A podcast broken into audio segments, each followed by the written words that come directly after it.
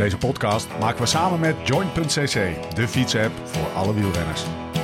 Daydreamer, tell me, tell me about your dreams and thoughts. Zin om te fietsen, geen zin om te fietsen, toch gaan, jezelf op die fiets trekken.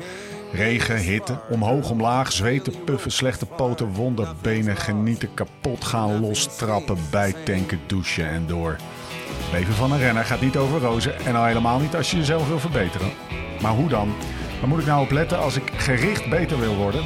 Als ik harder of verder wil gaan of gewoon fitter wil worden en meer wil genieten op de fiets? We gaan het hebben over trainen, eten en slapen. Op zoek naar de kennis, maar vooral ook naar de tips en slimmigheidjes waar we morgen mee aan de slag kunnen. Je luistert naar de Beter Worden podcast van Live Slow Ride Fast. Rechtstreeks vanuit het Black Label Hotel in het prachtige Zuid-Limburg. Mijn naam is Steven Bolt en tegenover mij zitten ze Laurens Sendam en Jim van den Berg.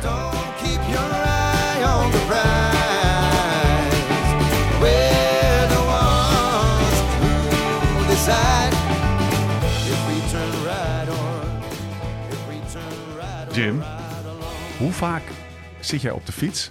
Oh, mijn vraag gaat door. en denk, Vijf keer. En denk je... Dat vroeg ik niet. Ja.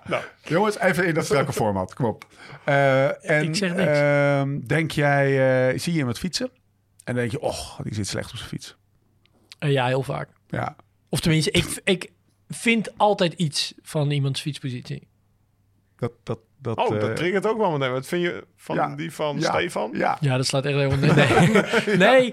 eh, Ja, meteen eventjes eh, zeggen we even wat je, wat, je ziet ons nou, fietsen. Kijk, ziet ons- bij jou, jij hebt een bijzonder, eh, jij hebt een bijzonder ruggetje. ja. En je hebt, eh, je hebt eigenlijk eh, amper eh, een beetje goede buikademhaling. Je bent heel plat. ja, Dus dan zie je ook best wel goed je bekkenkanteling. Ja. En ja, ja, je zit mooi op je fiets. van de zijkant. Nee, van, eh, van de achterkant Steek ook hem maar in je zak, Steve. wel. Lekker. Ja. Ik heb je nog ben- niet op gefit je... Ja, dus, ja, het zou mooi zijn Ja, maar ik heb we je nog niet... Ik zit nu wel te denken, ik heb je nog niet op je gravelfiets gezien.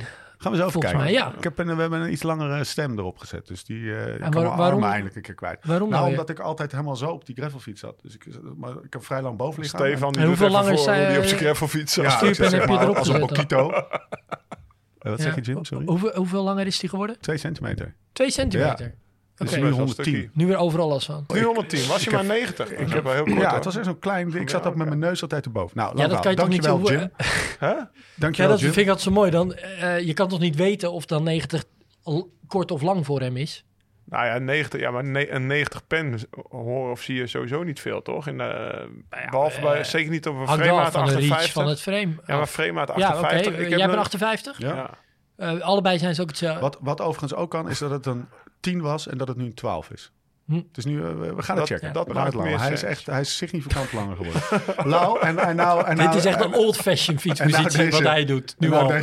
zeker? Hoezo? Ja, gewoon Hoe zit ik op een fiets? stuurpen Hoe eruit. zit Lau op zijn fiets? Nee, ja, Lau zie je wel dat er wat, eh, wat... Nee, Lau zit gewoon mooi op zijn fiets. Nee, kijk, je kan... Je hebt de overtreffende trap natuurlijk... eh, eh, dat je bij profwielrenners dan een onderscheid gaat maken... tussen wie mooi op een fiets zitten en Ja. niet mooi op een fiets zitten. Maar Julio. wat profwielrenners allemaal hebben... is dat het natuurlijk uiterst functioneel is. Anders zou je niet in een profpeloton fietsen. Ja. En daar, daar kijk ik wel vooral naar in fietspositie.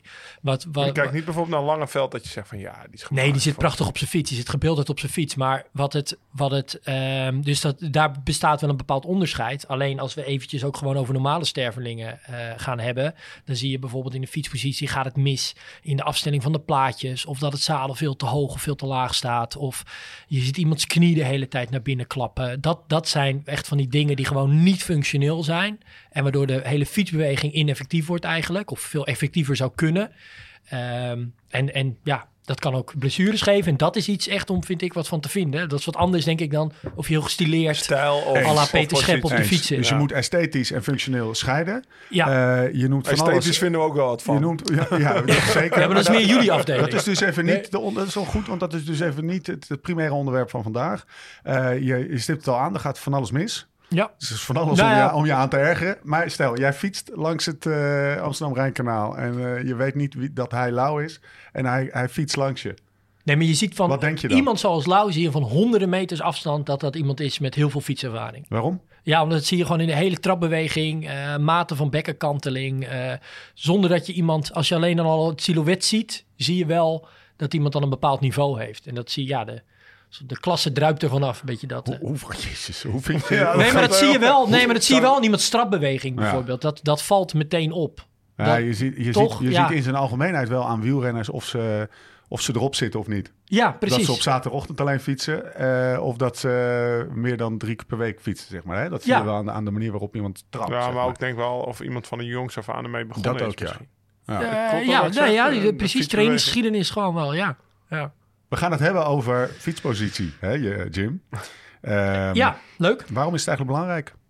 Eh, ja, eh, omdat uiteindelijk eh, als, we, als we harder willen gaan of verder willen gaan, ehm, het natuurlijk, ja, is dat die tool waar je het mee moet doen is best belangrijk. Dus dat is je gereedschap. En als dat, als dat weigert samen te werken, dat lichaam en dat stuk gereedschap, dan heb je wel een probleem. En eh, eh, als je luisteraar bent, eh, wa- wanneer moet je vooral even extra goed opletten? Of wanneer moet je extra, is het extra belangrijk om naar deze aflevering te luisteren?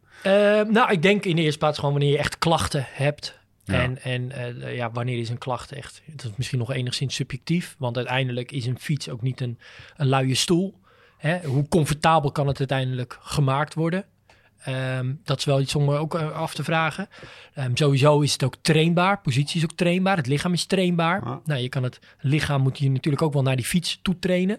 Maar die fiets moet jou wel de mogelijkheid geven om ehm, ja, daar je, je, je kracht en je energie en, eh, naartoe te trainen. En als het helemaal verkeerd afgesteld staat, gaat het gewoon niet gebeuren. En krijg je klachten, en krijg je blessures en dat kan chronisch worden. En voor je het weet, raak je die fiets nooit meer aan of staat dat ding in de hoek van de schuur en vind je het eigenlijk maar een soort eh, martelwerktuig. En Ja. dan, dan, moet je, dan moet je deze... eh, Deze aflevering Ja. zeker even luisteren. Jij krijgt eh, jaarlijks, weet ik veel, honderden, misschien wel eh, heel veel mensen over de vloer voor een bikefitting. ja, Kan je nou, en even eerlijk hè, een soort van 80-20 regel van 80% is, gaat het over het zadel en over de afstelling van de weet ik veel. Is, er- zijn het, zijn, is, is, het, eh, is er een soort van gemene deler in de, in de klachten en in de oplossingen die, eh, die, eh, die je daarvoor te bieden hebt? Ehm, ja, ik zit dan wel even aan je vraag na te denken. Kunnen wij dus... eh, want er zijn denk ik een soort van een top 5 klachten die voorbij kan ook niet komen. iedere klacht oplossen, toch? Nee, wat ik net ook zeg, ehm, eh, de, het lichaam is ook trainbaar en adaptief. En, Ja. en waar wij ook als, als met onze bikefitness ook rekening moeten houden en dat ook goed moeten uitvragen, is ja, hoe lang fietst dezegene en in hoeverre zijn de klachten die diegene heeft ja, nog voldoende trainbaar? Of zien we echt dat er in die positie iets moet veranderen? Ja. En dat is natuurlijk altijd, ja, uiteindelijk is dus niet alles wat dat betreft maakbaar en oplosbaar. Soms moet je ook gewoon eerst bereid zijn om het lichaam sterker te maken, Ja, dat om dat goed ik- aan te kunnen. Ja. Eh, voorbeeld, voor mij best wel een groot voorbeeld, is eh Mathieu van der Poel is er een tijd uit geweest met rugklachten. Ja, dat Toch? was wel Ze- toen het plankje er niet lag. Nou ja, dat, dat is toen aan het licht gekomen. Daarvoor had hij ook al wel klachten. Want hij klaagde altijd van zijn rug. Maar ik denk niet dat... hij- ze zijn vooral met zijn lichaam bezig geweest. Toch? Om, om zijn rug sterker te Precies. maken. En Ja. ik denk niet dat dat per se aan zijn Nee. positie lag. Nee. Hij heeft eh, dus... Dus ja, je kan ook niet verwachten, denk ik, dat als je echt last hebt van iets, dat, dat alles wordt opgelost doordat je, doordat je plaatje net even anders staat. ja, maar waar je spreken. bijvoorbeeld wel weer rekening moet houden. Kijk, als iemand eh, een werk heeft waarin hij eh, ja, een zittend beroep... Ja. En, eh, en maar een beperkt aantal uur per week heeft om te trainen... eh, dan moet je wel op een gegeven moment zeggen... Van, nou, kunnen we aan die fietspositie iets veranderen... Terwijl die rugklachten niet veroorzaakt worden door de fietspositie... maar gewoon doordat hij te veel zittend werk doet. En kunnen we daarnaast dan ja, toch iets doen toch om het sterk... Ja, precies, Ja. om het comfortabeler Zonder te dat je meteen zegt, joh, jij gaat iedere dag 20 minuten op een matje core, eh, core doen. Ja, hoewel natuurlijk dat, en zeker om het even in het begin wat sterker te maken, zodat je dat daarna dan kan onderhouden eh, op de fiets, eh, Ja. is, is natuurlijk wel vaak ook een oplossing. Eh, maar soms kan je gewoon ook met kleine tweaks in de, op de, van de fietspositie dingen wel echt beter maken. Het is dus, je moet het zien in een bredere context. En er zijn meer dingen van invloed op, eh, op of je klachtenvrij fietst of niet. En of je sneller fietst door een eh, specifieke... Ja, Dan alleen de positie. dan alleen de positie. Oké, nou dat, geze- Ja. dat voorbehoud eh, gezegd te hebben. Eh hebbende, eh, wat zijn de, wat is zeg maar de meest gemaakte fout van de, van de wielentourist? Anders geformuleerd, wat zijn de grootste, dat is de top 5 aan klachten die je, die je binnenkrijgt? top 5. Of als je het ziet. Ja. Nou ja, wa- waar het bijvoorbeeld het meest misgaat, eh, is afstelling van eh, eh, plaatjes, schoenplaatjes. Ja. Eh, dat is ook best wel, kijk, als je nog niet zo heel lang op de fiets zit en eh, je hebt klikpedalen en je hebt, je hebt een schoen, drie schroeven en een, en een plastic dingetje. En Het is ook echt een onding. hè. let's go. Weet je, Ja. dat is ook wel een soort van, Ja. ja, het is Om eerlijk te eh, zijn, best doe- ingewikkelde sport. Om eerlijk te zijn doe ik het nog steeds niet zelf. Nee? Nee, ik, eh, ik, heb, ik heb ook eh, nou ja, altijd... Ik heb bij de profs gereden en dan altijd in het begin van het jaar doe je een keer een bikevetter. Is er een bikevetter op trainingskamp? En Ja. voor mij was, kijk, mijn fiets... Ja, daar veranderde ik niet veel aan. Als, er geen, als we geen nieuw zadel kregen... oh, nee, want eh, ja, zadel is toch wel een belangrijk... Een nieuw stuur, een nieuw merk stuur. Nou ja, een stuur is een stuur. Daar kon ik nog wel in komen. Een zadel, daar moest ik altijd wel aan wennen. Maar als dat niet veranderde... Toch ging ik iedere keer met iedere paar nieuwe schoenen Ja? naar de bikefitter van zet mijn plaatjes alsjeblieft goed op voor me. je Ja, hebt, je hebt er tools voor, toch? Zeker. Alleen eh, een van de meest belangrijke tools is hoe langer iemand op de fiets zit, hoe beter zijn proprioceptieve feedback. Dus hoe beter die lu- kan luisteren naar zijn lichaam, wat hij voelt. Ja? Kijk, Nog als één ik. keer? Nou, als je bij Hoe heet dat? proprioceptieve feedback. Hij Dus stond wel heel rood, simpel. rood onderkringeld Als in onze je- notitie. Ja, dus ik ja. denk, het woord bestaat helemaal niet. verzonnen. Verzonnen. Wat betekent het? ik denk, jullie gaan hier nu nog even 10 minuten over doen. Nee, nee, nee. nee. Oké. Nee, we hadden het woord, eh, ja, eh, we hadden het woord ook op kunnen schrijven.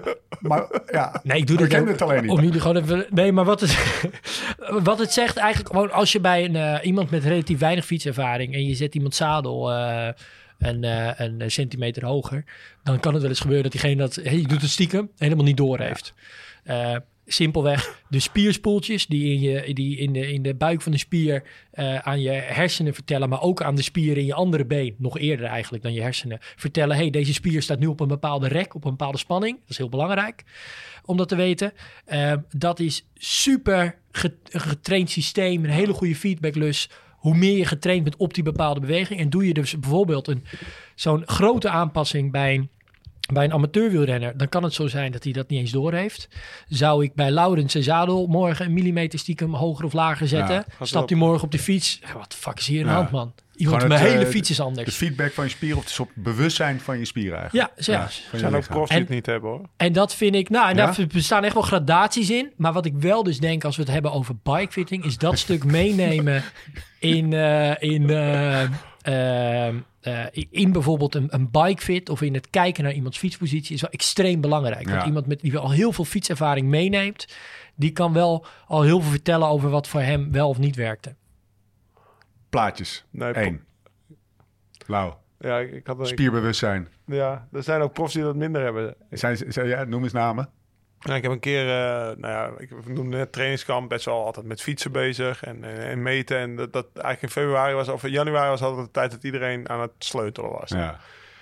Toen kwam Moreno Hofland een keer en toen was zijn fiets weg. Toen hij mee wilde, want Moreno Hofland moest met de tweede groep mee. En, en, en zijn fiets stond er niet meer. En die mechaniek is die in paniek, joh, ik heb je fiets neergezet. Toen kwam Ta- Tank, ik kwam teruggereden. die was vijf minuten eerder weggereden. Op een andere fiets. Op de fiets van Moreno Hofland. En die had gezegd, wat is dat toch allemaal? en die was pas na twee kilometer achterkwam, dit is mijn fiets helemaal niet. Serieus, die was gewoon op iemands andere fiets weggereden. Maar hij had het wel door. Nou ja, volgens mij omdat iemand het tegen hem zei of zo. Hij Ja. zat wel zo van, ja, dit- schakelt gek, weet je wel. Of de, dat, eh, Ja. Mooi. dus, ja, nou, het is- ja, het de- is die niet, pro, eh, pro-prioratieve feedback van Vergeet dat woord. Ehm, Schoenplaatjes. Je hebt, Ja. Maar je hebt dus ook, eh, daar wil ik toch eventjes eh nootjes van maken. Je Ja. hebt ook die plaatjes die je als het ware één keer, dus je, een soort malletje waar je dan je schoen in zet. Met Ja. een één uitsparing- keer af. Met een uitsparing voor een plaatje. Zit Ja, er in die precies. mal, ja. Ja, En- kan je ook met een stuk eh, karton doen. Volgens mij kan je Ja. zo bol.com kopen. Martens, Ja. die had ze, Ja. Martens die, eh, was een van de eerste die bij ons bij de ploegen meekwam. Ja, dan kan je ze gewoon altijd hetzelfde afstellen. Ja, maar bij, het is dus alleen bij nieuwe schoenen. Hè? Want plaatjes op bestaande schoenen zetten, die, eh, die zet je gewoon, als het allemaal goed ging volgens het vo- eh, voordien, dan, eh, dan, dan Ja. ontcirkel je ze. Vooral je niet eerst dan je hele schoen schoonmaken Nee. en dan een plaatje Nee. verwisselen. Maar gewoon Nee. lekker vies laten en dan een plaatje Maar het is vooral bij nieuwe, bij nieuwe schoenen. Ja, daar werkt zo'n tool dan heel Ja. goed voor. Dan, maar dan stel je ze hetzelfde af. Dus als je dat voor het Ja. eerst doet, is het nog steeds een beetje lastig. Ja. Luistert het nou? Dus het is eh, gewoon even voor mij, weet je, een millimeter naar voren of naar achter, man. eh. Eh, nou, eh, eh, ja, dat maakt wel uit. Ehm, maar eh, ja, je wil ze eigenlijk goed onder de bal van de voet plaatsen. En eigenlijk eh, door het MTP-ingewricht van je, van je grote teen laten lopen. En dan wordt het dan weer een beetje technisch. Maar Eh, ja, hoe leg je dit uit ook in een podcast? We kunnen Ja. dit. eh, nee, maar dus de, de- dat, dat luistert nauw. Ehm, ik zou ook vooral willen zeggen: eh, als je echt nou niet weet wat je aan het doen bent, zorg dat ze neutraal op de leest van de schoen staan. Ja. Dus recht Ja. op de schoen. Wat je dan bijvoorbeeld kan doen. Dat je hak zeg niet maar. aan de achterkant naar rechts of naar links Precies. En dan kan je ze bijvoorbeeld ook als je, dus, als je je schoen eh, met dat plaatje tegen eh, de hoek van het tafelblad zet. En dan zie je eigenlijk of de rest van het schoen recht Oh, ja. eh, langs de Ja. lijn van de tafel loopt. Dan staan ze neutraal op de lees. Want soms kan het nog wel zijn dat die lijntjes, die zouden ook recht op de schoen moeten staan. Maar je ziet nog wel eens dat dat ook een beetje scheef erop gedrukt wordt. Dat gebeurt een enkele Oh, keer. Dan je, kan je alsnog. En dan is het wel belangrijk als je eh, met gele plaatjes bijvoorbeeld, als we dan even naar een SPDSL-systeem kijken of uh, naar Speedplay, kan je dat ook bijvoorbeeld instellen. En dan heb je float, dan kan je voet eh, makkelijk eh, naar links en naar rechts. Dan is dat minder belangrijk dat die. Ja, dat ze goed neutraal staan Ja, afgesteld voor dus de stand van jouw voeten. Want dan heb je meer speling dan wanneer je rode plaatjes hebt. Met andere woorden, wat ook belangrijk is, als je nog niet zo goed weet wat je aan het doen bent, ga dan wel voor gele plaatjes. Eh, of voor eh, ja, een systeem met veel float, met veel Ja. bewegingsvrijheid. Terug naar de top 5. Of had jij nog een schoenplaatjes eh anekdote? Nou, nou wat- ja, David Miller. Ik, ik moet er meteen aan denken. Die reed altijd met zo'n een zo'n heel zielig voetje naar, naar rechts. Dat stak uit naar rechts. ja. Heb je zijn boek gelezen? Nee? Hij is in zijn eerste jaar bij Covidis. Is een keer Oh, wacht, dronken, dronken naar beneden gesprongen. Ja. Toen hij met VDB op stap was, Ja. volgens mij. Eh, om het hotel weer eh, het hotel uit, uit te vluchten. En toen heeft hij volgens mij zijn enkel of iets in zijn voet gebroken. Waardoor hij daarna altijd, Ja. altijd een beetje zo moest fietsen. En waar hij echt... Want dat was natuurlijk wel een, een haakjes stijlicoon. Maar hij vond het heel belangrijk. Gewoon hoe, hoe netjes... Dat vond hij echt zo kloten daarna. Weet je, ook, kon je echt wel een beetje mee pesten. Maar die... eh, ja, dus o- door een blessure kan maar in principe moet gewoon je voet recht staan. Als je voet zo scheef staat, met, eh, dat, je, dat, je, dat, je, dat je hiel naar buiten staat, dat is niet de bedoeling. Als je, Nou, ja, het moet, het moet eigenlijk gewoon, als jij een standsafwijking hebt, om wat voor reden dan ook, dan moet je het daar wel op aanpassen. En natuurlijk, ja, de, de overgrote meerderheid is het, is het neutraal. Kan die neutraal op de leest gezet worden. Maar dat geldt niet voor iedereen. En als jij diegene bent waarvoor dat niet geldt, ja, dan heb je er niks aan om hem wel neutraal op de leest te zetten. Maar belangrijker is eigenlijk nog, waar heel veel, en met name ook mannen last van hebben, is dat ze eigenlijk eh, in hun enkels, en dan met name dan hun voorvoet, een beetje geproneerd staan Ja. betekent eigenlijk dat je een beetje op de, op de buitenkant van je voet staat. Ehm, terwijl natuurlijk zo'n pedaal staat gewoon ja, recht op de, op de as of op je krenk. Hè? Dat is een hoek van 90 graden. Ehm, en net zoals bij loopschoenen is dat eigenlijk heel normaal. Hè? Dat je, dan heb je van die eh, pronerende zolen. Ja. En eh, nou, daar hebben veel hardlopers ook baat bij. Nou, dat is ook wel een andere beweging, is een voetafwikkeling. In een, in een fietsschoen heb je eigenlijk alleen druk in je, eh, onder je voorvoet. Ja. Maar dan nog kan het zijn, als die voorvoet dus iets geproneerd staat, wat meer naar buiten, dan moet je eigenlijk, dan is de neutrale stand ook van jouw schoen, is dat die schoen iets gekanteld staat op het pedaal. Dus een wichtje op je, op je zool. Precies, een wedge in het Engels, Ja. maar een wichtje inderdaad. eh, zou je dan tussen dus, en dat is bijvoorbeeld iets wat we heel veel tegenkomen. En dat mensen eigenlijk heel erg ineffectief fietsen, omdat ze niet gecorrigeerd eigenlijk Ja. naar de natuurlijke stand van hun, met name die voorvoet. Ja. En ja, dat als je nou ook echt niet weet is- waar ik het over heb, dan is dat ook heel moeilijk omdat... ja, ja, ja. Dit zijn- als jouw de- voorvoet gekanteld is, is dat alleen op te lossen met een wedge. Want je hoort ook wel eens dingen van soltjes. Dat mensen soltjes in een schoen Ja, je kan het bijvoorbeeld oplossen in de schoen. Maar mijn voorkeur zal altijd uitgaan om het op te lossen onder de schoen. En niet die schoen op te vullen. Dus een, eh, een, een, een ander schoenplaatje of een, een wedge onder je Nee, je schoenplaatje? plaatst dus een wedge tussen je schoenplaatje en je, Oh, en je, en je, en je, en je Ja. zool. En, en je, en je, de zool van de schoen, je. hè? Ja, ja, ja. Ja. ja. Dat is, dat is altijd eh, verreweg het meest effectief. Maar jij zegt ook eh, dat je daardoor inefficiënt gaat trappen. Wa- Waar, moet ik dan aan denken? Is dat, kan dat echt veel uitmaken? Of ja, heel veel. Ja? Heel veel, ja. En mensen die bijvoorbeeld altijd hier die eh, tractus iliotibialis, aan de buitenkant van je bovenbenen, die staat dan op- heel vaak op spanning. Of je hebt eigenlijk altijd het gevoel alsof je je knie, als je eigenlijk met je gewoon blind zou gaan trappen, dan raak je altijd met je knie je bovenbuis. Ja. Als je dat bijvoorbeeld bij je linker of je rechterbeen altijd dat gevoel hebt, dan kan het wel eens zo zijn dat dat, dat komt dan gewoon omdat je heel erg geproneerd staat. En dan ehm, ga je dan met zo'n wedge werken. Dan lijkt het ineens of je heel stabiel en heel recht naar beneden kan trappen. En hoef je helemaal niet meer actief je knie van die bovenbuis af te trekken, als het ware. Hm. En, en, en vooral bij mannen, er bestaat ook een onderzoek. eh, met name toen er nog dienstplicht was. Want eh, dat, vroeger was dat een van de dingen bij de screening van eh, mannen die in, eh, die, die eh, in het leger eh, moesten.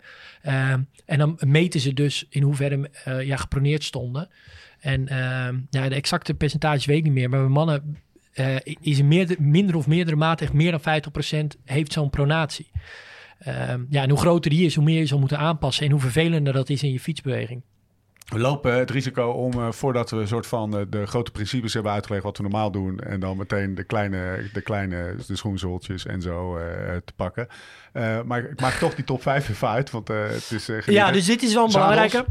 Ja, zadels, maar dan Hoogte? echt vooral de stand van het zadel. En dat is dus hoogte en setback. Ja, sorry, hoogte, setback en tilt. Ja, dus, Dus de eh, hoogte van het zadel, de hoek van het zadel Ja. en hoe ver je voor of achter je bracket zit van het zadel. Ja, met de hoek bedoel je of, het, of de punt van het zadel naar beneden of naar boven staat. Ja, Hè? ja. Eh, en de, de setback is hoe ver die naar achter op het framepje staat, zeg maar. ja, Dus, en eh, dan maar, eigenlijk meet je dat ten opzichte van dan de hart van de trappas. Ja. Hart Ah, ja, van je is bottom bracket. En wat, waar, waar, En waar- mindere mate dan eigenlijk de vorm van het zadel. Oh ja, want dat, zou- ik zou verwachten dat je... Want er is een soort van eh, trend dat zadels allemaal... eh, ja, ik noem het dat het prostaatzadel, maar van die, van die korte punten eh, eraan. Ja. Dat, dat maakt het eigenlijk geen reet uit. Nou, het, kijk, die vorm van het zadel moet natuurlijk wel geschikt zijn voor die wielrenner. Ja. Alleen wat ik zie wat er vaak gebeurt, is iemand heeft zadelklachten. En in plaats van eerst te kijken naar die tilt, ehm, setback en hoogte van het zadel, Ja. wordt er meteen een nieuw zadel gekocht of veranderd. En ehm, dat, vaak is dat het niet. Want bijvoorbeeld twee verschillende zadels, ehm, twee, echt twee verschillende vormen van zadels, maar waarbij ik ook een verschillende tilt ga gebruiken, kan je dan ja, wel echt andersop zitten. Ja. En, en bijvoorbeeld ook, en dat maakt de fietspositie best wel complex. Als ik jouw reach eh, verleng of verkort, verandert je bekkenkanteling. Rietjes. Ja, dus de afstand tot het stuur. Hoe ver je, hoe ver je, op je als je op je zadel zit naar voren moet grijpen. Met je Precies. handen om in je, op je En, stuur te en als ik, als ik in, de, in de setback of de hoogte van het zadel, maar dus ook in de reach, daar verandering in doet, verandert ook weer jouw positie op Ja. dat zadel. Ja. Ehm, en eh, ja, is ook weer, die, komt die vorm van het zadel ook weer anders uit. En dat maakt het een best wel complex systeem. Dat je, ik kan, ik kan dingen aan je, aan je stuur doen, waardoor je zadelpositie verandert. Eh, Maar, en dat is eh, iets om rekening mee te Maar houden. vorm en maar breedte. Ik heb bijvoorbeeld wel geleerd, of geleerd, mij is geleerd dat als je mijn zitpotten meet, dat ze zo ver uit elkaar staan. Ja. Dus dat ik bij wijze van spreken niet een te breed zadel moet hebben, omdat ik anders helemaal naar voren naar de punt schuif. Ja, maar het is eerder eh, andersom. Wat je eigenlijk vooral ziet, is dat mensen heel erg gebaat... dat als je zitbreedte... En, en nogmaals, hè, die zitbreedte... want bijvoorbeeld die zitbeenderen... die lopen ehm, eh, naar binnen toe. Dus hoe meer bekkenkanteling je hebt... ehm, eh, als je dieper eigenlijk zit... wordt die afstand tussen, tussen je zitbeenderen kleiner. Dus je moet ook wel weer zitbreedte niet nemen als een soort van statisch gegeven. Want je, als je dieper gaat zitten, verandert die afstand. En wat je vooral ziet, is bij mensen waarbij die zitbreedte ehm, wat groter is. En ze rijden op een te smal zadel, dan gaan ze vaak scheef zitten. Dus breedte is wel degelijk ook echt wel van belang, maar vooral ook op die manier. Wat je veel minder ziet, is dat mensen ehm, ja, zo een smalle zitbreedte hebben en dan een te breed zadel hebben. Dat, Dat geeft gewoon minder problemen.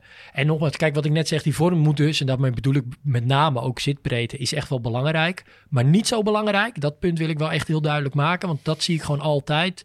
Er wordt altijd meteen naar een ander zadel gegrepen, Ja. terwijl er niet eerst gekeken wordt naar hoogte, tilt en eh, Ja. setback van het zadel.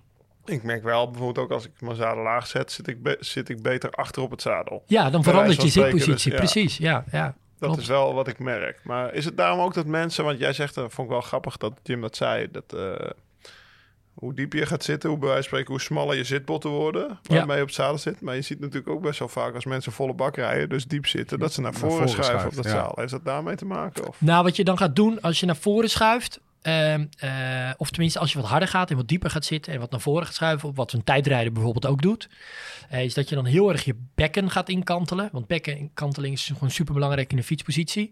En dan kan je ook veel meer je, je bilspieren en je hamstrings gebruiken. Ehm, daar word je wel wat sneller moe van. Je houdt het wat minder lang vol. Ehm, en dat is dus ook de, de, een houding waarmee je ja, inderdaad hè, dat volle bak fietsen. En zeker op het vlakke. Dus jezelf frontaal klein maken. Veel bekkenkanteling en dan bilspieren en je hamstrings flink gebruiken. Is een manier om heel hard te gaan. Ehm, maar als jij bijvoorbeeld veel kracht wil leveren en op een laag beentempo bergop wil fietsen, doe je precies het tegenovergestelde. Ga juist dat bekken wat naar achter kantelen, ga je wat verder, verder achterop zitten. En trap je ook wat meer naar voren. Zit ook je maximale krasmoment in de pedaalomwenteling op een ander punt. En dat is dus ook wel weer belangrijk dat je bijvoorbeeld in fietspositie heel erg rekening moet houden met, de- met de doelen die iemand Ja. heeft. Is het om vooral heel lang op die fiets te zitten en best wel wat hoogtemeters te maken? Of juist, wat jij nu net beschrijft, veel bekkenkanteling. Ja, een baansprinter, die Jeffrey eh, en Lafrijs, volgens mij staan die zadels heel hoog als ik zo kijk. ja, denk ik ook. Ik denk, ja. omdat, maar omdat jij die hoeven maar 200 meter of een kilometer maximaal erop te zitten. Ja. Die hoeven natuurlijk geen duurtraining van 200 kilometer En te bij een tijdrithouding zet je hem ook hè, ja, in de wedstrijden dan op 5 centimeter achter die bracket, want je mag niet korter. Of je moet dan weer het stuur binnen die 75 Ja. brengen. Ehm, maar dat is een ingewikkelde UCI-regels. Ehm, maar dat je eh, ehm, eh, daar zet je het in principe in een tijdritzadel staat hoger dan je normale Ja. wegzadel. Eh, Ja. Sowieso bij alle profs is dat het geval. Oké, ik wil het zo hebben over hoe jij op je, nou laten we zeggen, je CCC-fiets zat ten opzichte van hoe je nu op je Unbound fiets zat. Qua positiemeting, dus denk daar vast over na. Maar even, waar draait dit nou bij een fietspositiemeting om? Wat, Ja. is, wat is zeg maar de basisgedachte, eh, simpel uitgelegd, van wat je doet bij een fietspositiemeting? Ja, wat het doel is bedoel je dan? Of wat? Eh, ja, wat het doel is en waar je naar kan kijken om dichter bij het doel te komen. Wat, aan welke Nou, knoppen je draait als kijk, het ware. Ehm, je, je houdt een bepaalde volgorde aan. Ja. En, dat, en dat begint gewoon kijken naar het lichaam. Zie je daar bepaalde afwijkingen? Eh, zit het SI-gewricht vast? Is iemand heel, staat er iemand heel erg geproneerd? Eh, is er een kleine range of motion in, in, in, in welk gewricht dan ook? Daar begin je. Dus je Ja. begint Maar niet bij de fiets. SI maar je, Stel het SI-gewricht zit vast. nou ja, mooi dat, voorbeeld. Kan je dat losknallen? Eh, Ja. eh, stuur ze aan. ja, nee, dat moet je dus. Ja, dus eigenlijk eh, ja, in je, bij je heup. Ja. Even, ja. Waar je, waar je zeg maar je, je, je rugwervel, je heup eh, raakt. Ja, wat dan, wat, iemand gaat dan eigenlijk een beetje scheef zitten. En vaak o- zit iemand dan alweer wat langer scheef, zit dat al wat langer vast. En gaat dan vanuit die fietspositie, zijn er dus klachten Ja. gekomen.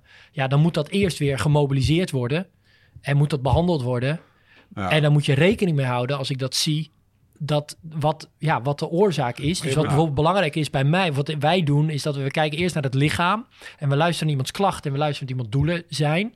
Vervolgens zet je iemand op de fiets. En dan ga je proberen aan de hand van die fietspositie ehm, eh, te, te kijken of die klachtendiagnostiek, of dat, of dat op elkaar, of dat Ja. aansluit bij elkaar. Ja. Is het logisch dat wat we nu zien in die fietspositie, dat als we daarin iets veranderen, dat die klachten dan Ja. ook veranderen? Maar je Ja. stuurt iemand, het is ook gebeurd, ze komen bij jou voor een fietsmeting. Jij gaat dat lichaam meten. Nou ja, hij heeft korte hamstrings, want dat hebben veel mensen vaak Ja. die veel fietsen.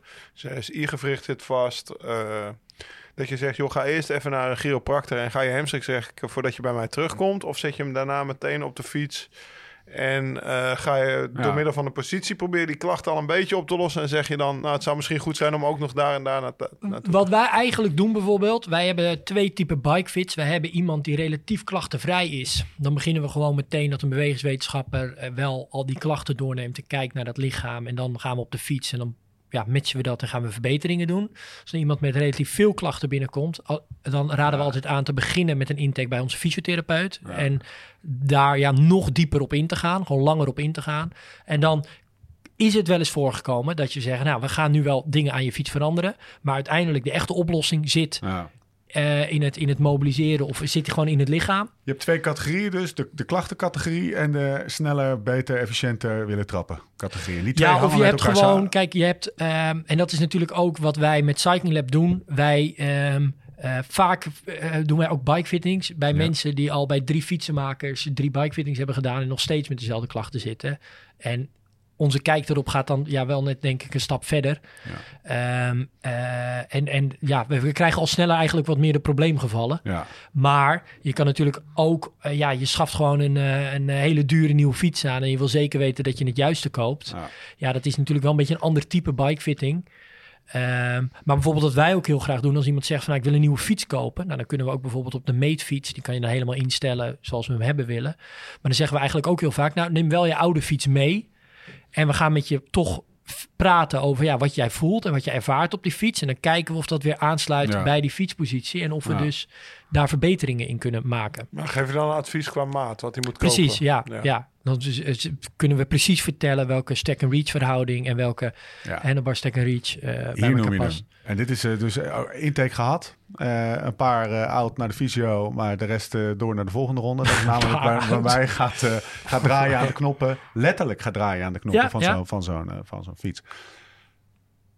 Hoe gaat dat in zijn werk? Dus welke, je, je, je noemt zelf, het gaat eigenlijk om drie dingen. eh, gewichtsverdeling, stack en reach.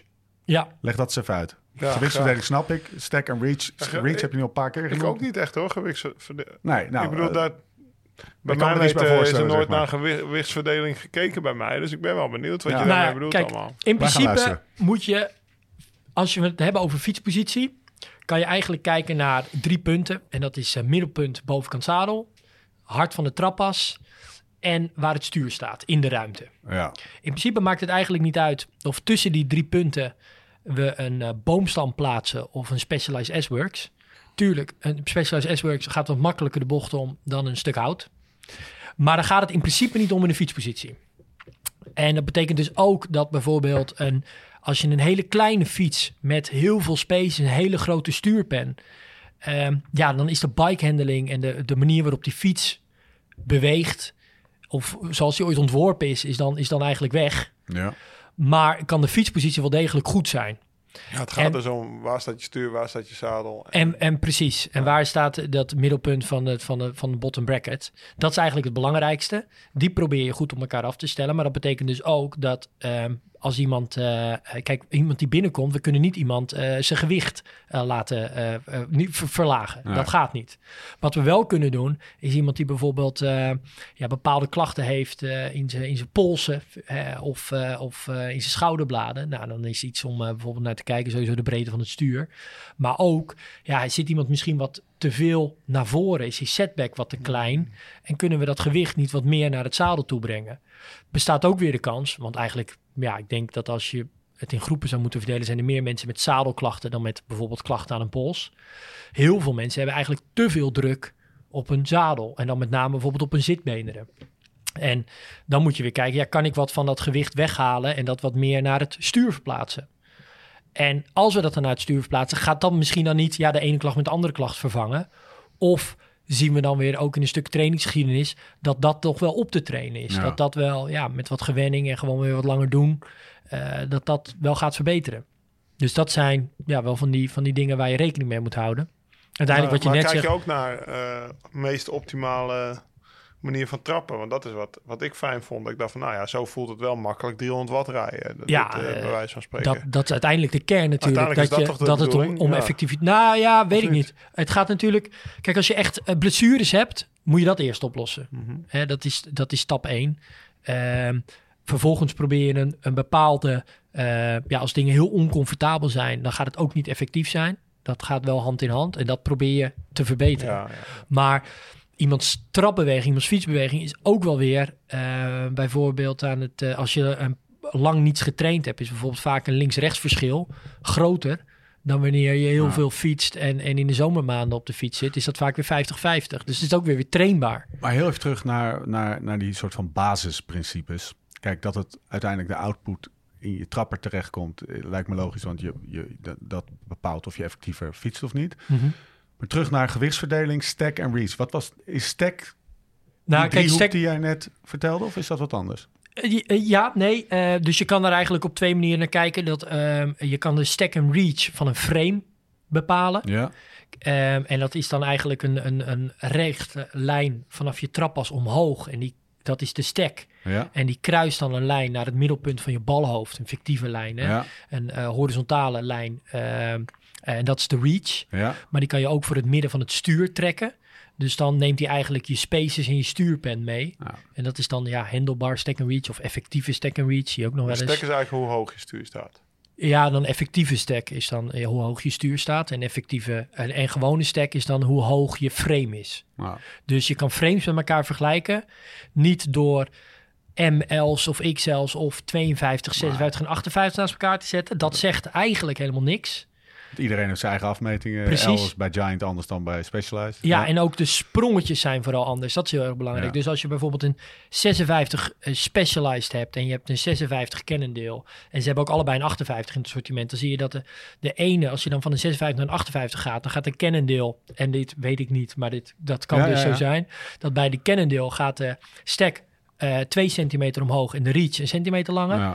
En bij die Specialized gaat de stack een centimeter maar Ja. omhoog en de, en de reach 2 Ja. centimeter langer. Oftewel, de verhouding tussen stack en reach is voor beide merken of beide typen compleet verschillend. Dus op die manier kan je nooit de Ja. ene 58 met de andere 58 Tip van de vergelijken. meester, Dat zegt kijk niet naar de maatvoering van de, ook al lijkt de 58 en de 56, omdat een soort van generieke maatvoering. Kijk altijd, vergelijk frames. Ja, Dus ook als je nu een fiets hebt die super lekker zit, ja, check altijd de stack en reach van je huidige frame. Ja. En, eh, ik, was, eh, ja, ik, En- wa- ik was even kwijt hoor. Zeg maar, toen hij dit allemaal...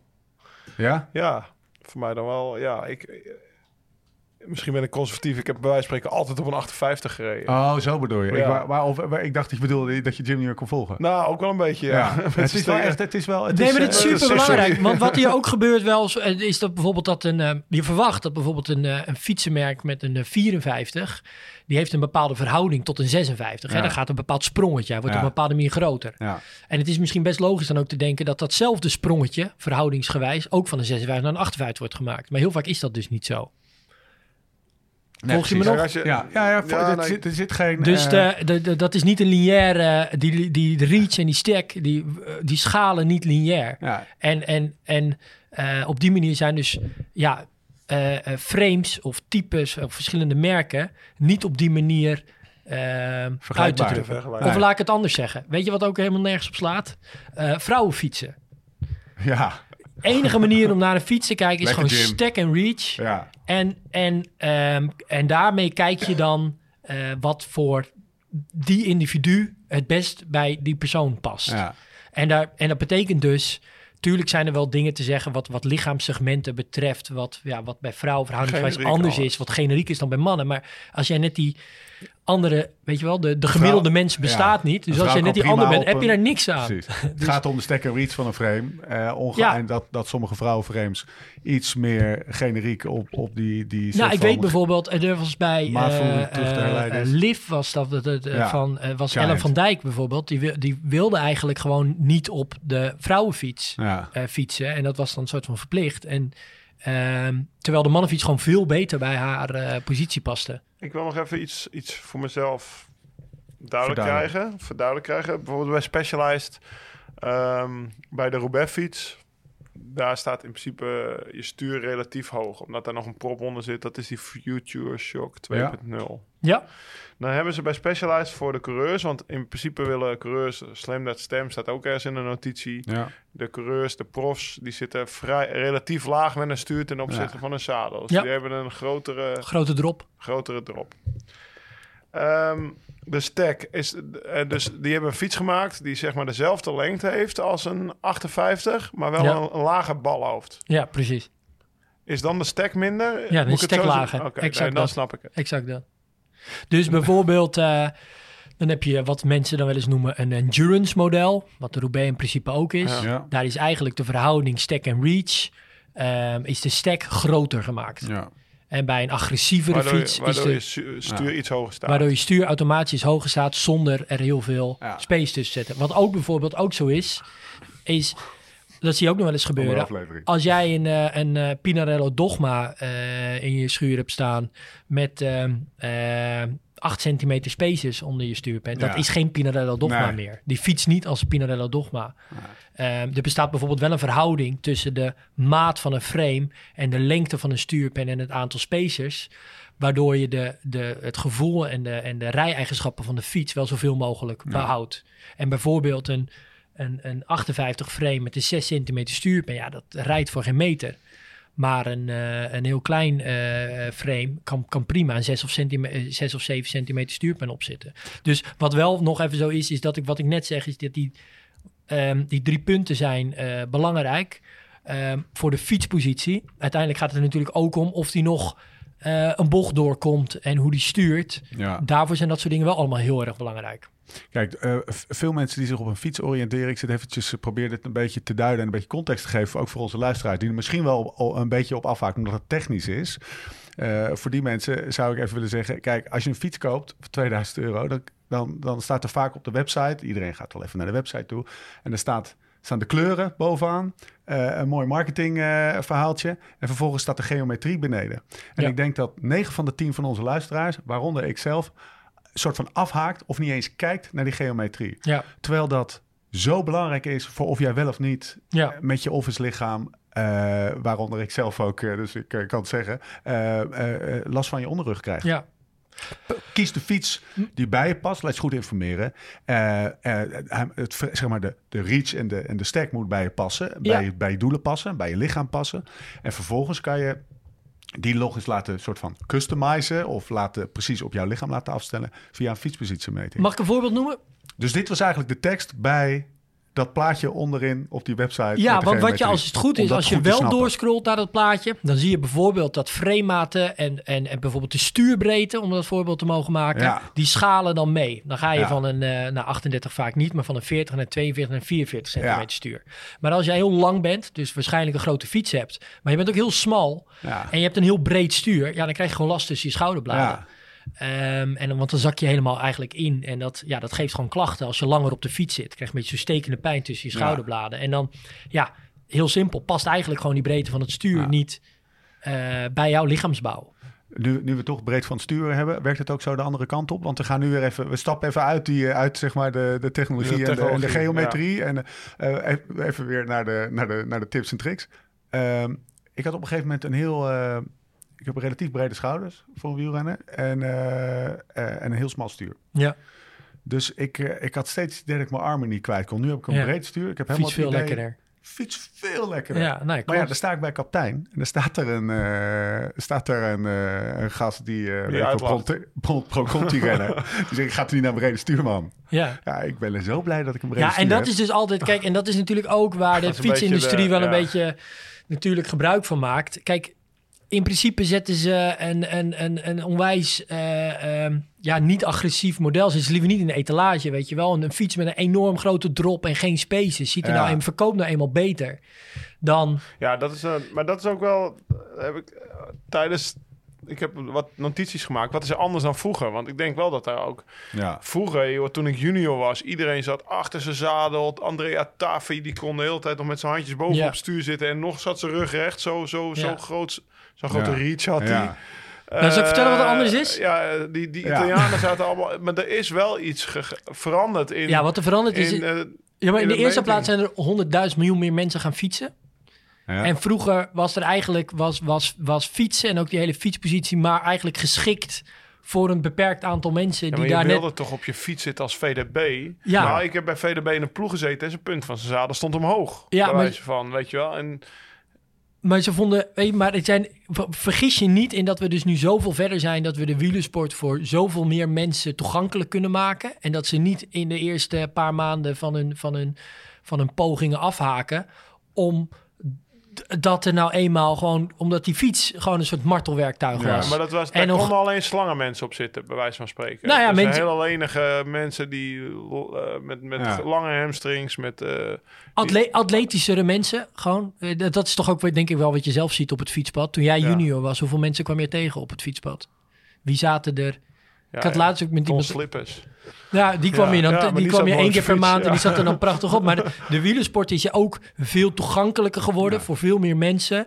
Doordat we een veel eh, breder eh, palet aan fietsmaten, breedtes, eh, eh, dat er bikefitters zijn, dat er veel Maar meer zijn er ook advies is andere gekomen. inzichten? Want op een gegeven moment ging iedereen weer wat meer naar voren schuiven met zijn zadel juist. Omdat Ja, meer absoluut. de tijdritpositie, dat is waarschijnlijk Absoluut, dat, inzicht dat, dat, dat, heel is. laag en heel ver achter de bracket zitten. Ja, dat vond eh, een beetje zo eh, hoe Hino ook op zijn fiets had en Zoetemelk ook. Dat vonden Ja. mensen vroeger mooi. Ja, Ehm, ja, en Koppie. het fietsen van geen meter. ja. Ja, probeer het maar eens. 10, je 12 bovenbenen lopen meteen vol. is wel mooi, ja. En ik denk wel dat profielrenners zeker in die tijd ook wel hun, hun trucjes hadden om, eh, om die bovenbenen goed vol te laten lopen. Zonder daar de volgende dag heel veel last van te hebben. ja. Nee, maar dat is, dat, dat is wel Ja. gewoon een, een groot verschil. Jaren 90 als je zo op de fiets had zitten of nu. Ja. Hoe zit jij in vergelijking, om, even, om die fiets er even bij te pakken, op je, op je Sunweb Giant in vergelijking eh, tot je Unbound eh, Diverge? Ja, Want daar ik, is echt wat veranderd. Maar mij valt op dat, die, dat jij daar, ik stel me niet voor niets de Ja. vraag, jij zit daar eh, op het oog comfortabel op. Spacertje nou, erbij. ik ben, nou, Iets spacertje heb ik altijd wel gehad. Ik heb ooit een Lisa-ader operatie, Ja. Vernauwing, opera, Lisa-ader vernauwing Ja. operatie gehad. Dus toen, eh, ja, toen is mijn Lisa-ader opengesneden gesneden en hebben ze leeggemaakt. En die is, die is vernauwd geweest, omdat, ja, nou, je kan je voorstellen als je als wielrenner dus, nou ja, zo diep zit als wat we net zeiden. Ja. hè, je, je stuur moest naar beneden, je zadel moest omlaag, dan komt die hoek ja. Komt er knik in de tuin er komt ader. En nou Ja. de- ik had daar last van. Toen is die opengehaald. En eh, ja, ik was natuurlijk als het dood dat het terugkwam. Dus dan heb ik per direct tegen iedere bikefitter gezegd... ik hoef niet meer per se met me heel... Dat, dat je zelfs al met je, als je, op je met je handen op de grepen zit... want je ziet ook heel veel renners... Die zitten met de handen op hun grepen, maar die kunnen Maar niet eens meer in een beugel, zitten, ja. omdat die beugel zo diep is voor ze. Ja. Ik wil gewoon comfortabel bovenop zitten. En als ik echt even diep moet zitten, dan ga ik wel even met mijn handen in de beugel. Dat is een beetje wat ik toen als filosofie had. Wat, wat nu veranderd is. Ik ben eh, bij, bij Peter Kruijvanger van eh, Ja. Specialized Retool. De Retool systeem heeft Specialized ontwikkeld. Werk je ook mee samen? daar- dat- Nou, Systeem heeft Retel ontwikkeld. Maar En die zijn later door eh, Specialized... Nou ja, Nou, in ieder, geval, in ieder geval, dat systeem heeft hij me opgezet. Ja. Wat, wat, ik zat bijvoorbeeld altijd best wel op 79. En, hij- en hij zette me dus inderdaad ook... Nou ja, daar Zaalhoogte? net Ja, zaalhoogte naar beneden. Ook omdat ik dan... Ik, nou ja, we hadden, ik rijd met Pro-zadel en dat is misschien... Dat is 142 breed. Als je mijn botten meet, die zijn misschien 138 of zo, mijn zitbotten. Ik heb Mhm. een smal kontje. ja. Eh, ja, waardoor mijn zaal wat omlaag gaat, dat, dat ik toch achter op mijn zadel blijf Ja. zitten. Vind ik er ook zelf mooier uit, eh, uitzien. Dus ik zit in principe iets lager, denk ik. Ja, voor misschien iets hoger, ja, iets, eh, iets meer als er is. Maar ik kan wel dus unbound de Ja. hele dag met mijn handen onder in de beugel rijden. Het is het optimale voorbeeld van je, je fietspositie bij je lichaam. Slag, liesslagader en je doel. 10 uur eh, Ja. 300 watt trappen. Ja, en, en eh, manier ook waarop je dat kan trainen. Want ik zit net ook nog, ik zit ook tussentijds een beetje nog na te denken over jouw vraag. Wat, wat wel ook echt zo is, is dat de wielersport ook, nu ook toegankelijk is voor iemand die geen 25 meer is. En die misschien ehm, eh, ehm, eh, met moeite drie uur per week traint. Ja. Want dat is het ook wat jij bijvoorbeeld net zegt over met dat smalle stuur. Nou, wat je in het profpeloton bijvoorbeeld ook ziet. Maar ja, dat zijn gasten van 25. Ja. En, die, en die zitten 25 uur per week op de fiets. Ja, die zijn wel nog te trainen. Ja. En dat lichaam is trainbaar naar die hele smalle stuurtjes. Ja. Terwijl het misschien eigenlijk niet zo goed bij ze past. Nee. Maar het is wel tof. Eh, Ja, dat, is, dat speelt natuurlijk heel veel mee. Hè? Ja. Ook Ja, in- maar dat zeg je want jezelf als ook, Ik, eh, ja. als, ik, eh, als, ik, als ik die nieuwe crux op, eh, op de foto zet... En eh, dan krijg ik op Insta dan, eh, of, of, of Nicky ziet hem voor het eerst, zo wel, veel spaces. Weet je, wat heb jij Ja. voor... Ja. Dat is wel het eerste wat je Ja, te horen krijgt. met spaces, ja, daar heb ik ook wel eens wat over te horen. Ja, dus, eh, dus er is wel een soort... Wegwezen met die dingen. Ja. er is een soort regel dat dat Ja. niet mag, bij wijze van Ja. spreken. Of dat dat niet tof is. Toch? ja, nee, ja, en dat is dus echt verkeerd. Ja. Want eh, daardoor, In, in wat de- ik ook nog wel heel regelmatig bij, bij, bij eh bikefittings tegenkom, is dat dan iemand, ja, een prachtige fiets. En dan hebben ze dus die, eh, dat die, die voorvork afgezaagd. Eh, met misschien nog maar één spacer onder. Dan kan het stuur natuurlijk niet meer omhoog. Ja, dan moet er een nieuwe vork in om het stuur eigenlijk omhoog Ja, te krijgen. Of ga je de je moet- stuurpen omdraaien en dan verandert de hele, eigenlijk de bike handling. Dat is niet ideaal. Dat zie je ook nog wel eens, dat mensen een stuurpen omdraaien. Ja, dat, Maar jij hebt wel vaak, of af en toe dat mensen bij jou komen dat je zegt, joh, zit je stuur even twee centimeter hoger, zit je het een stuk lekkerder op. En als je echt diep Dat- wil zitten en echt hard gaat, dan ga je maar even onder in de beugel zitten. ja, Ik heb bij Dat, veel... dat, bij- nee, maar dat is precies wat het is. Wij, nee, het is andersom zelfs. Wij, de, de, de- ik denk dat eh 70% van de mensen die bij ons een bike vinden kunnen, eh, komen doen, eigenlijk helemaal niet in de beugels kunnen fietsen. nou, maar ik Daar komen ze niet, want ja, dat is een soort van onbereikbaar. Cancellara, voorbeeldje in het profpeloton. Die heb ik denk ik nog nooit met zijn handen onder in de beugel zien rijden. Nee, Die reed altijd met zijn handen op de grepen. ja. Zelfs Prins. Zo, weet Ja, je, dat klopt, dat ja. ik dacht van, dat ik dacht terug van, ja, maar dat ik echt dacht van, ja, gozer, je kan Ja. ook je stuur een stuk hoger zetten en dan kan je wel onder in de beugel zitten. Ja. Ik heb het hem nooit verteld, maar eh, Heel verstandig. het, nee, maar dat valt me wel, dat, dat merk je wel echt dat sommigen eh, echt heel veel op die grepen rijden. Ik denk dus wel, wat er wel ook echt veranderd is, is dat er, eh, nu hebben we dus dingen als van die endurance modellen. Ja. Vroeger was het veel meer, die profs hebben betaal- bepaalde fietsen en dan rammen we dat gewoon de consumentenmarkt Ja, ja. in en voor de rest zoek je het maar uit. En Ja. daarin is juist echt de kentering gekomen dat ja, de, de, de consumentenmarkt, eigenlijk worden er nu bijvoorbeeld zo'n Roubaix fiets, is volgens mij hoor, maar dat kun je misschien beter aan eh, Specialized vragen. eh, is zo'n Roubaix fiets volgens mij veel meer juist uit die consumentenmarkt en die endurance modellen veel meer uit de consumentenmarkt ontwikkeld. En dan gaan dan profs Roubaix oprijden. Nou, dan hebben ze een aparte fiets voor profs Ja, gemaakt. met net Die andere ook- stek dus. Ja, mij. precies. Ja. Maar wel dus de Dus, omgekeerde ah, volgorde. omgekeerd. Net zoals Ja. die Ethos, die is eigenlijk ook voor de consument ontwikkeld. Ja. Want die is dan licht om mee te koersen. Ja, ook. Ja. En dat was denk ik nog maar tien jaar geleden best wel ondenkbaar. Hey mannen, nog even één ehm, eh, onderwerpje die bij, of onderwerp moet ik zeggen, dat eh, eh, zeker relevant is, aerodynamica. En ik kom daarop omdat eh, diezelfde Pro-Conti-renner die mij in eh kapitein stond uit te lachen, die is natuurlijk 22. Wie was en die dan? zit... eh, Welke, welke lul was dat? Ik weet het niet. Ik weet het niet. Weet Die je zo'n. Alecto. eh, zo'n Oh, auto. komt hij er? Nou, eh, Die eh, we, gaan hem, we gaan hem nemen en shamen. We gaan erachter komen. Ehm, Van Alecto in Amsterdam. heel eventjes. eh, die gast is, eh, weet ik wel, 22. Ja. Fiets 30.000 kilometer per jaar of 21. Die wil eh, Tour de France winnen. Ik, zeg- ik zeg maar even wat. En dan snap ik wel dat als je die leeftijd hebt. En als je ziet hoeveel te, te winnen is door gewoon je frontaal oppervlakte Ja. kleiner te maken. Ja. Dan zou je ook al even die spacer eruit halen. En maar gewoon hopen dat mijn rug het houdt. En ook eh, dat stuurtje smal maken. En met mijn eh, Nou, ik hoop dat Ja. dat Jim dat als antwoord... Wat is er veranderd? Dat is, da- toen ik prof werd, werd er niet over aerodynamica op de wegfiets nagedacht. Nou, ik heb die podcast met Taco gehoord. Ja, Dat, eh, die wel bekend bij Jim, Ja. want volgens mij traint Jim hem. Ja. ja. Dat is een en al aero. Dat Ja. is wel echt een groot verschil, ge- volgens Zeker. mij ook met vroeger. Maar wat wel altijd nog belangrijk is van een fiets, het is niet een dwangbuis. Hè? Het is niet dat als ik jouw stuur verlaag, dat je automatisch lager zit. Nee. Dat bepaal jij Ja. in principe, hoe laag je zit. Ja. Het ziet er misschien toffer uit op de foto, maar jij bepaalt eh hoe ver je elleboog gaat buigen. Ja. Of hoe ver je eh, je schouders naar elkaar toe kan plaatsen. En dat is bijvoorbeeld ook bij tijdritposities zo belangrijk. Ja, als je ehm, eh, iemand in op een tijdritfiets zet... eh, die relatief weinig ervaring heeft, die zet zijn armen erin en die gaat trappen. Ja. Een prof die gaat shruggen, die gaat zijn Ja. hoofd eigenlijk tussen zijn schouderbaden plaatsen en zijn nek helemaal intrekken. Ja. En dat scheelt gigantisch, dat scheelt enorm veel. Jim deed net even de, eh, Vermogen. de precious als jij fit doet, Is voor bij- YouTube. want je doet ook fits voor, voor Wanti. Ja, Eh, hou je daar dan rekening mee met, aer- met aerodynamica? Want je hoort altijd shiftertjes naar binnen. eh, Smal stuurtje. Smal stuurtje. Ja, wat wij in ieder geval ook juist bij profs doen, is, en dat vind ik nog altijd het belangrijkste.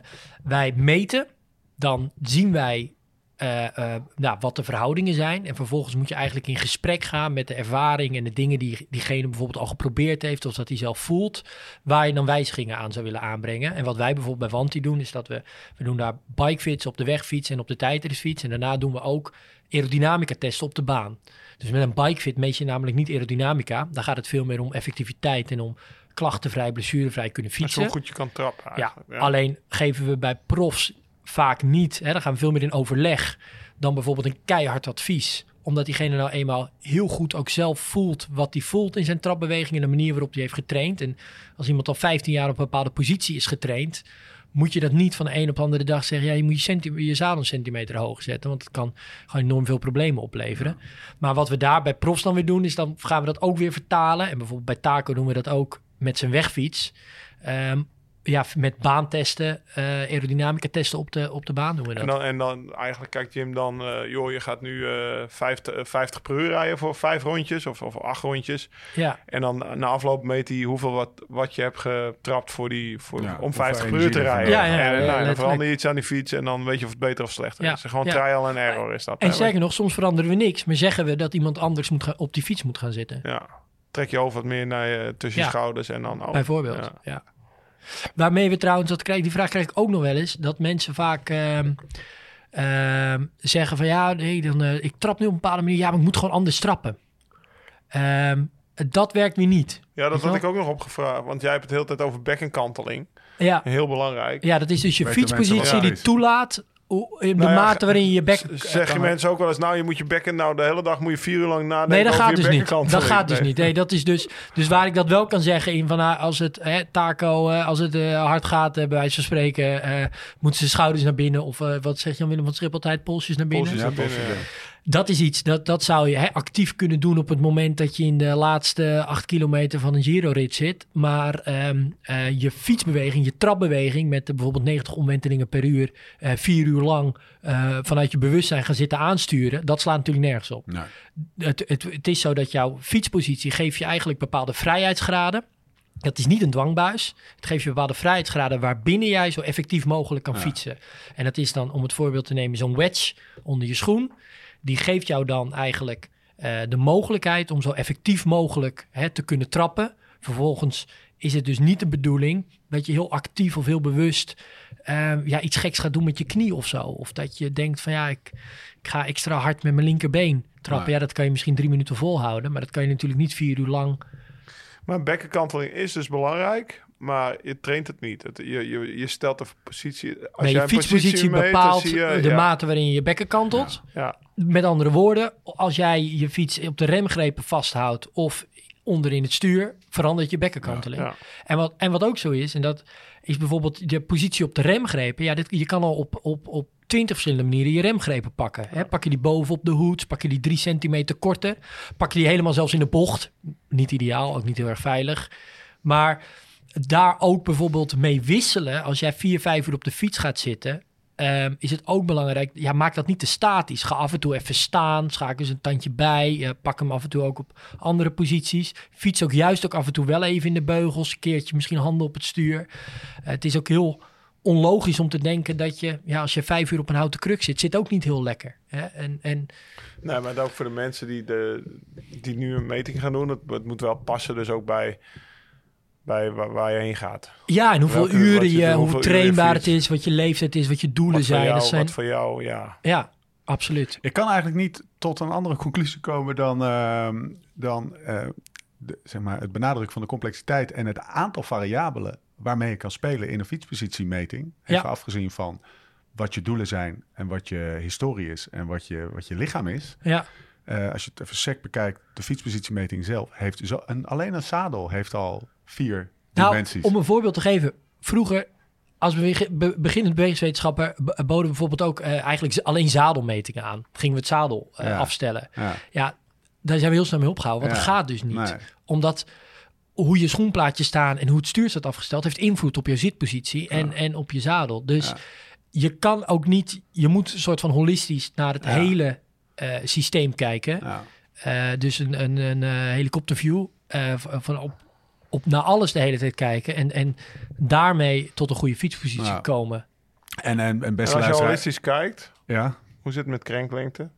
ja, ik heb nog twee onderwerpen. Ja, Krenklente en eh, tenen naar voren. Asking Tenen for a naar friend. Tenen naar beneden. Ja, vind je zo Eh, lelijk, hè? Dat vind ik echt lelijk, ja. Maar ik kan niet anders. Hoe, kunnen we daar Jij- even mee beginnen? Hij fietst zoals Jacques Anquetil. oké. Ja, Jacques ja. Anquetil fietst altijd zo met zijn tenen naar Maar beneden. Der Dat- Poel heeft het ook een beetje. Niet zo erg als ik, maar die heeft het Ja. ook een beetje. Hakken naar boven. Ja, nou, het zal bijvoorbeeld heel ook erg... met de, met de spanning van in, je, in je kuitspieren te Ja. maken hebben. Hè? Misschien zijn die bijvoorbeeld wat verkort. Eh, is maar als we waarschijnlijk jouw zadel wat gaan verlagen, Ja, komen, je, en komen je hakken ook naar beneden. Ja. Wat ook het leukste is als je bijvoorbeeld een bikefit doet ziet iemand zadel hoger of lager, verandert vaak kniehoek amper, maar verandert vooral enkelhoek. Gewoon omdat er, Ja. er zijn eigenlijk minder reachen. bij. Ja, er is een mini-spiergroep bij betrokken. Kan je wat is wat adaptiever, past zich wat sneller aan. En die kniepositie, die ben je nou eenmaal zo gewend. Dat is hou je dan gewoon hetzelfde. Ehm, dus dat is, dat is iets. Maar dat, ja, misschien dat voor je gewoon jouw natuurlijke eh, fietspositie Ja. of jouw natuurlijke spierlengtes. Is het heel logisch om met je tenen naar beneden te Get fietsen. over with it. Het, het is dus niet zo dat je er per definitie. Nee, het is dus niet per definitie slecht of zo. Ik kan weer slapen. Nou, jij met die Ja. krenklengte, even tempo. Ja, krenklengte, ik ben wel benieuwd. Dat, eh, vroeger was dat wel een ding. En eh, Ja. dan had je op de tijd het fietsen langere krenks vaak dan op je wegfiets. Ja, dat is nu compleet Oh. omgekeerd. Hè? Dat is Hele- leuk. Ja, Maar ja daarom. dit heeft Wat is er wereld gebeurd? Echt, echt bezig hè? Echt grote studies Ja, over... toch? Ik, eh, ik heb Er zijn heel veel studies naar Ja. Ik heb het basistraining voor wielrennen van Ja. Bernard Hinault gespeld. Ja, Ja, dat, eh, er stonden twee hoofdstukken stonden over krenklengte Ja. volgeschreven. ja, Eh, Waar staat de langer, wetenschap? wa- Langer, het Ja. was een trend langer, langer, langer toen. Ja. En nu is de trend, nou ja, korter, korter, korter. Je hebt het net zelf gezegd. Kijk, de krenklengte heeft eigenlijk moet in verhouding staan met, de, met je bovenbeen en je onderbeenlengte. Als Ja. in dat als jij lange benen hebt, even heel simpel gezegd, mag de krenklengte ook wat groter zijn. Omdat anders eh, ja, eigenlijk het rondje dat je maakt, hè, dat wordt met een 175 krenk is ietsje groter dan met een 170 krenk bijvoorbeeld. Ehm, en dan eh, ja, is eigenlijk de flexie, dus de, de, de- wanneer je je knie hebt gebogen, of de extensiehoek, die staan dan eigenlijk goed in verhouding met elkaar. Als die niet in verhouding met elkaar staan, als je bijvoorbeeld heel klein bent en je hebt grote, Lange eh, cranks. lange cranks, wat je dan een beetje krijgt, is dat de, ja, die flexie en extensiehoek van je knie en van je heup, dat die een beetje uit balans zijn. Ja. Maar, en dat vind ik een belangrijk punt om te maken, eigenlijk zijn ehm, er in de industrie eh, ehm, is een, is een 167,5 is al bijna niet te krijgen. Het is eigenlijk 170, 172,5 en 175. Ja. Nou, dat is 5 mm verschil. En eigenlijk zien we daarmee dat ik vooral zou adviseren, ja, rij jij op een eh, 54 eh, of nog kleiner, dan zal het eh, 170 korter. zijn. En eh, ga je vanaf een 58 en hoger, dan is het 175. Maar alles wat ertussen zit, 172,5. En eigenlijk is het best wel one size fits all. Dat niet zo- gezegd hebbende, en daar zie je wel studies naar waar wel verschillen in zitten, is bijvoorbeeld of jij eh 15 centimeter of 18 of zelfs 20 centimeter cranks hebt. Echt grote verschillen. Ja, ja. Maar omdat met name dan ook bijvoorbeeld die heuphoek heel klein of heel groot wordt. Hebben baanrenners, baansprinters, hebben die bijvoorbeeld eh, hele lange of hele korte cranks? Nou, wat, nee, kijk, wat, wat vroeger de gedachte was, als de krenklengte en dus eigenlijk de arm waarmee je kracht kan zetten verandert, dan Ja. dachten ze als je een langere krenk hebt, dan kan ik Ja, meer kracht leveren. Ja. Ja. maar dat is natuurlijk gelul, want het is afhankelijk van het verzet dat je hebt. Je verzet bepaalt ja, dan die koppel. Ja, ja, ja, het gaat om de koppel. Ja. Niet om... om En, dat, en, en, en eh, het klopt wel, als het verzet hetzelfde Ja, is en de ja. krenklengte is anders, dan, eh, dan verandert eh, dat wel. Maar ehm, je past als het goed is het verzet aan. En, en dat bepaalt uiteindelijk hoeveel, hoeveel kracht je dan gaat leveren en hoeveel jouw lichaam kan leveren. Maar waarom gaan mensen nu korter? Ja, en dat is het dus. En eigenlijk gaat dus iedereen korter. Waarom? Als je die, die, die, je bekken heel ver inkantelt, dan wordt die heuphoek die wordt heel klein. ja. En als die krenklengte heel groot is, nou, dan kan je je voorstellen dat je knie heel hoog komt en dus die heuphoek heel klein. En waar jij bijvoorbeeld last van, bij- in die, in die vaatstraat, in die liesslagader, daar, dat raakte bekneld bij een hele kleine heuphoek. Ja. Dus wat je bijvoorbeeld op de tijdritfiets wil, is dat je heel veel bekkenkanteling en dus een hele kleine heuphoek hebt. En als je dat combineert met hele grote cranks, dan word je dus helemaal dubbel geklapt. Eh, en dan kan je eigenlijk helemaal je kracht niet meer kwijt. Dus juist op een tijdritfiets, en het is eigenlijk vrij bizar dat dat inzicht nog ineens zo heel lang bestaat. eh, juist op een tijdritfiets loont het heel erg om, om bijvoorbeeld op 165 cranks te rijden. Hele kleine cranks en hele... Ik, heb, eh, ik kom hier ook op. Dit is, dit, eh, kom, ik heb een tijdje terugreken, weet ik veel. Dat was het 2016, 15 misschien wel. Ruta del Sol. kwam er een oud mannetje naar me toe met een papiertje. En die ging mij eens even uitleggen waarom ik dan kortere cranks moest gaan rijden. Ik denk, ja, lul die nou? Maar dit, dit is precies het verhaal wat Jim Wie- wie was vertelde. dit? Ja, dat was een of ander heel oud... Ja, het was bijna uit een, eh, uit, uit, uit een sprookje weggelopen, die man. Weet je wel? Echt ongelooflijk. Dat was gewoon een soort, soort vee. Maar Die kwam mij even vertellen waarom en hoe en wat ik... eh We zijn uit het wij, bos wij- gelopen. Wij gaan hier... eh, Nou, je hebt, dat is wel grappig en dat kan je ook nog wel op internet. eh, Spanje, die- was een Spanjaard. Oké, je hebt best wel van die eh, onogelijke websites, maar wat gewoon hele slimme, vaak natuurkundigen of, of mensen die verstand hebben van biomechanica en helemaal hebben uitgedokterd. En waardoor ze tot bepaalde Ja. van die, dat soort inzichten Ja. komen. En dat eigenlijk al heel lang weten. En dan blijft die hele fietsindustrie, een hele profmarkt, dacht- blijft dan met lange Ja, tuurlijk, rijden. Terwijl zo'n man dat dan ja, al wat wil- wat wil- 50 jaar weet, weet je wel. dat ja, ik rijd gewoon lekker met 175. Wat, Maar moet je hij voorstellen, nou, die man die is dit waarschijnlijk, die vertelt dit al 30 jaar in de del Sol. En niemand die naar hem luistert. Dat was Fuentes. Hij de services. Eh, Oké, maar ehm, we gaan afsluiten. Ja, Lau? Nou ja, wat gaan we morgen anders doen? Ja, Conclusie. Ik, ik, ik had het al in... Kijk, ik heb bijna nu dat als ik eh, bij Specialized... Kijk, ik ben best wel verwend. Ik krijg best wel vaak een nieuw soort fiets ook. Dus, dus niet ja, een, een ander model. Ik ga bijna standaard nu naar Kruivanger toe. Ik zeg, ik rij wel even langs Arnhem. Voor het is natuurlijk heel luxe om dat lekker te kunnen laten checken. Ja, Maar En- ik vind het toch wel fijn. Ik denk wel dat het allerbelangrijkste is, kijk, ehm, zeker ook als je net begint met fietsen, hou er ook wel rekening mee dat dat, kijk, jouw lichaam gaat niet meer, gaan we niet meer optrainen naar een bepaalde fietspositie toe. Ah, Maar als je net begint met fietsen, vind ik ook wel weer, ja, je moet ook wel een bepaald gevoel eerst krijgen Ja. bij wat je aan het doen bent. Kijk, dat die natuurlijk wel enigszins in verhouding moet staan. Ja, als je echt nou, het- door het boom het bos niet meer ziet. Nee. Zeker net luisteren van deze podcast. Nee, ik probeer echt wel met concrete tips te komen. Ik wil juist niet dat iedereen denkt van ja, eh, ik heb nog geen meter gefietst en ik begin bij een bikefit. Nee, Ja, volgens mij moet je wel eerst gewoon een meter fietsen. Voel ook maar eens een keer hoe het is om een, waar het gaat schuren. en wanneer een zadel te laag staat of wanneer een zadel te hoog staat. Maar ik wil ook weer niet dat iemand dat dan zo lang gaat proberen en vervolgens met prostaatklachten bij, de, bij de dokter zit. Omdat Jim zei, ja, ik moest het eerst maar eens gaan proberen. Nee, ik, ik verdenk je eigenlijk van, zeg maar, de- door het benadrukken van die complexiteit, gewoon maar heel Nederland Cycling Lab binnen te krijgen. Nee, maar, nee, maar, nee, dat- nee, maar maar ik, dat- ga je meteen, ik, ga meteen, ik ga dat meteen wegnemen, want het is namelijk een geintje. Het is namelijk, de, de, de complexiteit van, van het hele bikefitten is, is aangetoond. Omdat er zoveel variabelen zijn en omdat er zoveel impact op je, Ja. op je lichaam is, dat het helemaal inderdaad niet, dat is, dat is zeg maar niet zozeer wat we, wat we morgen anders gaan doen, maar wat ik eruit haal, is dat het nog maar eens aantoont hoe belangrijk het is om te zorgen dat je goed op de fiets zit. En je hoeft niet perfect op de fiets te zitten. en We hoeven niet allemaal Nou, de Tour precies, dat is ook zo Maar je kan belangrijk. er echt lekkerder en langer door kunnen Nou, fietsen. en bijvoorbeeld van die in hele simpele zitten. dingen, van zo'n zo'n wedge, zo'n pronatie maakt voor mensen vaak zo'n verschil. Eh, Ja. Dat je echt, dat, dat, dat vind ik trouwens ook wel echt iets. waar, eh, eh, waar wat volgens mij in het, in het hardlopen en bij hardloopwinkels of goede gespecialiseerde Ja. hardloop veel beter eigenlijk is geregeld eventjes, dan... Ja, eh, ja, toch? dan ga je even over dan, een baantje lopen. eh, dan eh, eh, bijvoorbeeld het gebruik van wedges in, in Ja. wielerschoenen. Heerlijk. En eh, naar beneden Old scrollen en school. een ge- geometrie checken. Als Ik denk je- dat hij je- dood is, die Spanjaard. Ja, ja, Ja, dat is zo. Ja. Arme man. Eh, wil je nou meer weten? Of wil je meteen met Join aan de slag? Check dan in de link eh, in de show notes, de link in de podcast app of op liveslowridefast.com. Wordt het allemaal uitgelegd. Twee weken, nog steeds gratis Join, bovenop die twee weken die je toch al krijgt. Nou, daar kan je wel even een maandje een beetje rugpijn mee, uplo- uh, mee, mee, eh, mee, eh, mee, mee opdoen. Ga je daarna lekker... Oh, mag ik er nog iets zeggen anders? Zeker. Weet je wat ook nog een tip is? Nou, Ehm, je hebt bijvoorbeeld ook apps zoals 7 Minute Workout. Heb je een Ja. paar van die apps en dan doe je voor iedere dag doe je 7 minuten wat core stability oefeningen. Eh, en omdat het dus maar 7 minuten is, is het super behapbaar. ja. En eigenlijk is iedere wielrenner daar wel bij gebaat. En het is super simpel. En je krijgt een beetje gevarieerde mix aan. En je hebt er volgens mij een aantal, ze, ze noemen dat allemaal een beetje 7 minute workout. En dan, eh, ja, dat kan zo helpen omdat je, sorry, Ja. omdat je begint over rugklachten. Dat kan zo helpen in, eh, in eh, Gaan we het... Weet je wat, we zouden In een aparte podcast over, over krachttraining, yoga... Zouden kunnen Ja, maar dit is een stuk-. Gaan we gewoon doen. Dat gaan we Ja, maar core stability of, of je romspieren trainen hoort wel heel erg bij fietspositie. Oké. Maar nu, dit was het ook. Ah, dit was de tip. Dit was de nou, shortcut. Jij wilde wel shortcuts. We gaan er in een andere, dankjewel. We gaan er in, Alsjeblieft. eh, wellicht komt het toch nog in een eh, Nou, krachttraining ik zag bij de shortcuts, ik zal het gewoon even oplepelen. Want dit had hij Nog een nabrandertje. Stop met 100 miljoen zadels kopen, maar zoek een goede bikefitter. Ja, maar dat punt had ik al wel gemaakt volgens mij.